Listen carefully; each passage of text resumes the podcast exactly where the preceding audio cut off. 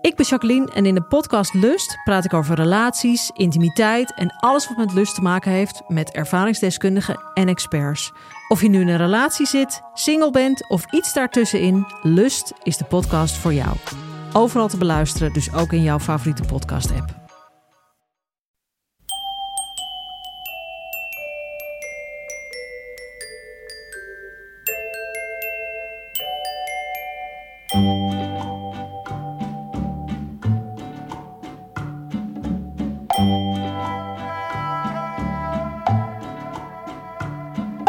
Welkom bij aflevering 161 van de Echt Gebeurd podcast, waar waargebeurde verhalen worden verteld door de mensen die ze zelf hebben meegemaakt. In deze aflevering het verhaal van Hemza Lasri. En het thema van de middag was Mediterranee.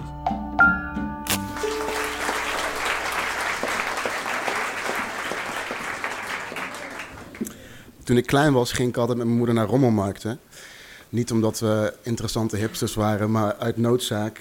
Want mijn ouders waren gastarbeiders, een eerste generatie Marokkanen. Dus ze hadden gewoon heel weinig geld. Mijn moeder dacht, alles wat je kan kopen, kun je ook tweedehands kopen. En het lukte er ook altijd. Ze maakten er eigenlijk een beetje een sport van. Uh, dan haalden ze iets uh, van de rommelmarkt en dan moesten we raden hoeveel het kostte. En dan zeiden we altijd 10 euro, terwijl we wisten dat het lager was. En dan zeiden ze nee, nee, nee, 50 cent, iets absurds. Want ze kon, ze kon namelijk heel goed afdingen. En dat was indrukwekkend goed eigenlijk. Um, ik, zou er bijna trots op zijn als ik me niet kapot schaamde natuurlijk. ik, stond, ik stond altijd heel ver weg te kijken hoe ze dat deed. Um, en um, toen ging ik een keer mee, toen nam ze me een keer mee, want we kwamen uit Breda. En daar is jaarlijks is daar een hele grote uh, rommelmarkt op straat in onze, in onze wijk. En toen ging, zij, ging ik kijken naar speelgoed en zo. En ik ging naar, of zij ging naar moederdingen kijken, weet je wel, huishoudelijke shit en, en kleren, kleding. En um, toen, ging ze, toen zat ze koffers te bekijken. En um, toen, uh, als ze er eentje aan inspecteren, zo, weet je wel, is het goed genoeg? Is er schade? Hoeveel kan ik hier afhalen van de prijs? En toen was ze met die vrouw aan het afdingen. En aan de overkant stond een groepje mannen, stonden biertjes te drinken. En toen riep er een, um, geef haar die koffer, dan kan ze oprotten. En mijn moeder verstond het niet. Die uh, sprak slecht Nederlands. Plus het was plat, plat Brabants. Uiteraard. En um, ik verstond het natuurlijk wel. Ik was negen of tien of zo. En ik had, het, ik had door wat er aan de hand was. En ik zei, kom mama, we gaan. Het is niet, het is niet leuk meer. En die koffer was inderdaad bestemd om, uh, om mee op te rotten. We gingen een jaar of twee later gingen we naar Marokko. En die reis daarheen is uh, best wel zwaar. Want we gingen met z'n achten. Ze heeft zes kind Mijn ouders hebben zes kinderen. Ik ben er één van. En uh, we gingen dan met twee auto's. En mijn zus is... Kijk, vrouwen zijn slimmer dan mannen. M mijn zus had een Peugeot, vierdeurs. Want ze wist dat mijn moeder heel veel meuk verzamelde om mee te nemen. Mijn broer kocht een cabrio, Renault Megane.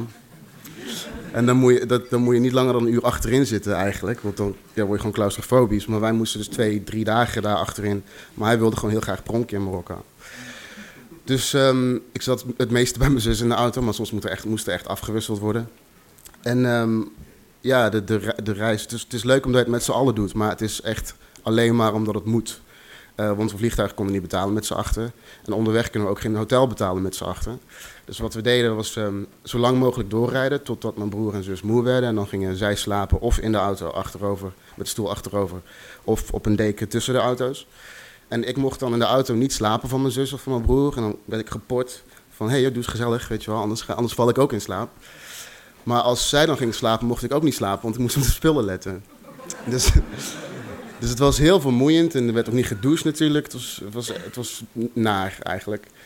Maar nogmaals, je deed het samen en je wist waar je het voor deed. Want zodra je dan in Marokko was, was het, al, was het allemaal de moeite waard. Want dan werden we heel hartelijk ontvangen door heel onze familie. Die verzamelde zich in het huis van mijn oma en mijn opa. En die gingen er allemaal in een kringetje zitten en dan moest je een half uurtje zo, weet je hallo, ben je groot geworden? Al die dingen.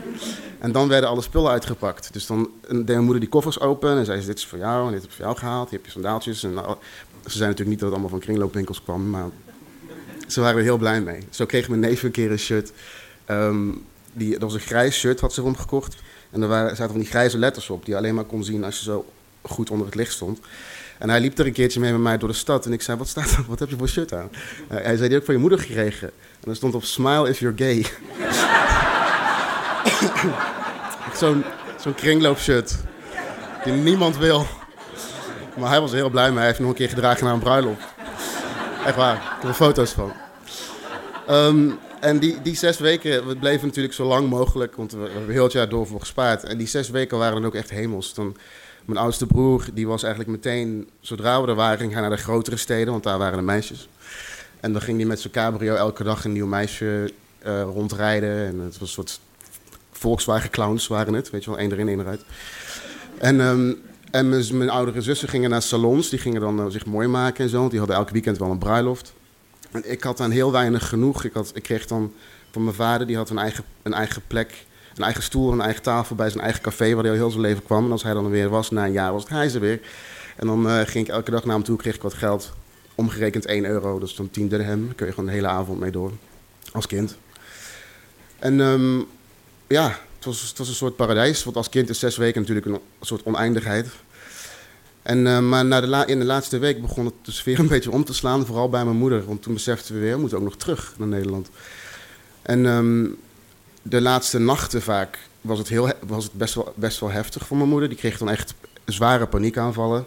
Want wij, wij gingen terug naar Nederland, naar ons eigen land in feite. Maar zij ging weg van huis. Zij moest dan weer een jaar lang, of misschien wel langer, haar familie verlaten. Um, en wie weet wie er dan nog is. Want ze heeft natuurlijk ook oudere broers en zussen. En je weet nooit wie er nog over is na een jaar of anderhalf. kan veel veranderen. Dus toen zaten we weer allemaal, heel de familie was weer verzameld in een kring. Maar nu om haar te troosten en te zeggen dat het is niet zo lang. Voor je het weet ben er weer. Je kinderen zullen voor je zorgen. Je moet terug naar Nederland. En dat deden we uiteraard ook. Um, de terugweg is natuurlijk net zo naar als de heenweg. Alleen heb je nu minder om naar uit te kijken. Tenminste, mijn moeder dan sowieso. En de sfeer is ook heel anders. Uh, in de auto terug zijn we al bezig met uh, schoolboeken en huiswerk en werk. En um, rekeningen en, dat, en rommelmarkten en dat soort dingen. Um, maar het begon nu eigenlijk al voordat we in Nederland waren. Want op de terugweg waren we bijna bij Parijs. En toen stopte mijn broer bij een tankstation. En um, toen stopten natuurlijk allebei, allebei de auto's stopten. En toen zei hij van ja, ik moet eigenlijk tanken. Toen zeiden ja, dat kun je doen, dat is een tankstation. Toen zei hij nee, ik heb geen geld meer.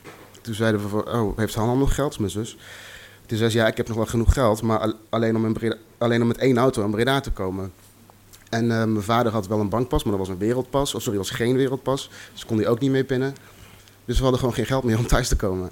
Dus waar we een week eerder met een cabrio door Marokko reden... met van die gele kentekens als goudstaven... waren we nu uh, op een tankstation in Parij, vlakbij Parijs... niet wetende hoe we thuis zouden komen.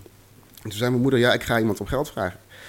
En mijn vader en wij natuurlijk allemaal kapot gegeneerd. En mijn zus helemaal hysterisch aan het huilen. Hoe kon het laten gebeuren? En na een half uur of zo zei, de, zei mijn moeder van ja, ik ga het doen. Ik ga iemand om geld vragen. En toen keken we allemaal toe in de auto hoe zij naar een um, ander Marokkaans gezin ging. Uh, een man die uh, met zijn vrouw en kind. En toen zagen we het haar uitleggen en heel veel van dit en dit. En heel veel van die smeekgebaren. En we dachten allemaal, jezus, wat doen we haar aan? Maar goed. En toen kwam ze met hem terug. En toen uh, gaf hij ons iets van 60 of 70 euro. Um, het was nog iets van vier uur rijden dus.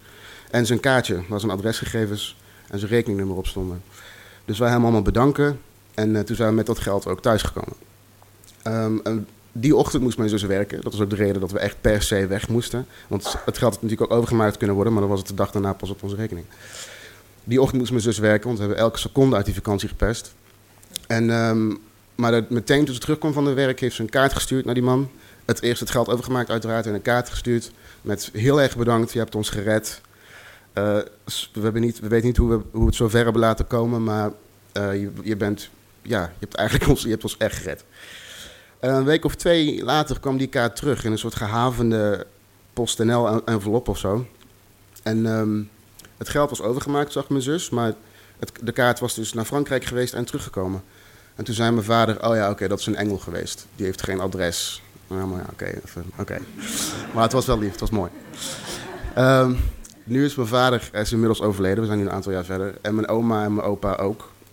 En het huis waar we ons in verzamelden is verbouwd inmiddels, dus ook niet meer dus de verzamelplek die het was.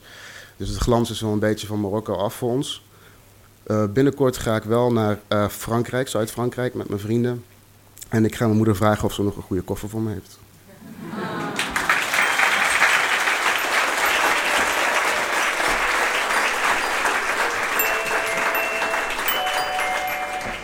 Dat was het verhaal van Hemza Lasri. Hemza is webredacteur bij Radio 1 en is te volgen op Twitter op @hemza3000. Echt Gebeurd vindt elke derde zondag van de maand plaats in Toemler, onder het Hilton Hotel in Amsterdam-Zuid. De volgende aflevering van Echt Gebeurd is op 21 mei. Het thema is dan via internet. Als je een goed verhaal hebt, laat het ons weten. Helaas is de middag zelf al helemaal uitverkocht. Daarna zijn we tot en met augustus op vakantie. Maar gelukkig gaat de Echt Gebeurd podcast gewoon verder. Wie deze zomer nog meer Echt Gebeurd wil, kan meedoen aan de Echt Gebeurd zomercursus. Tijdens de vijfdaagse cursus leer je alles over verhalen vertellen en werk je samen met de cursisten aan je eigen verhalen. De cursus start op 9 juli. Ga naar www.crea.uva.nl en klik op cursussen voor meer informatie. Mocht je niet kunnen, maar wel geïnteresseerd zijn, ga dan naar echtgebeurd.net en schrijf je in voor onze nieuwsbrief. Op de site kan je zien wat de onderwerpen en data voor volgend seizoen zijn. We zijn namelijk altijd op zoek naar goede nieuwe verhalen en vertellers. De redactie van Echt Gebeurd bestaat uit Maarten Westerveen, Rosa van Toledo, Paulien Cornelissen en mijzelf, Micha Wertheim. De techniek is in handen van Nicolaas Vrijman en Gijsbert van der Wal. Dit was aflevering 161 van de Echt Gebeurd podcast. En mocht je dit alles horen terwijl je in een open Megane op een parkeerplaats in Zuid-Frankrijk de wacht houdt terwijl je broer ligt te slapen, vergeet dan niet om wakker te blijven.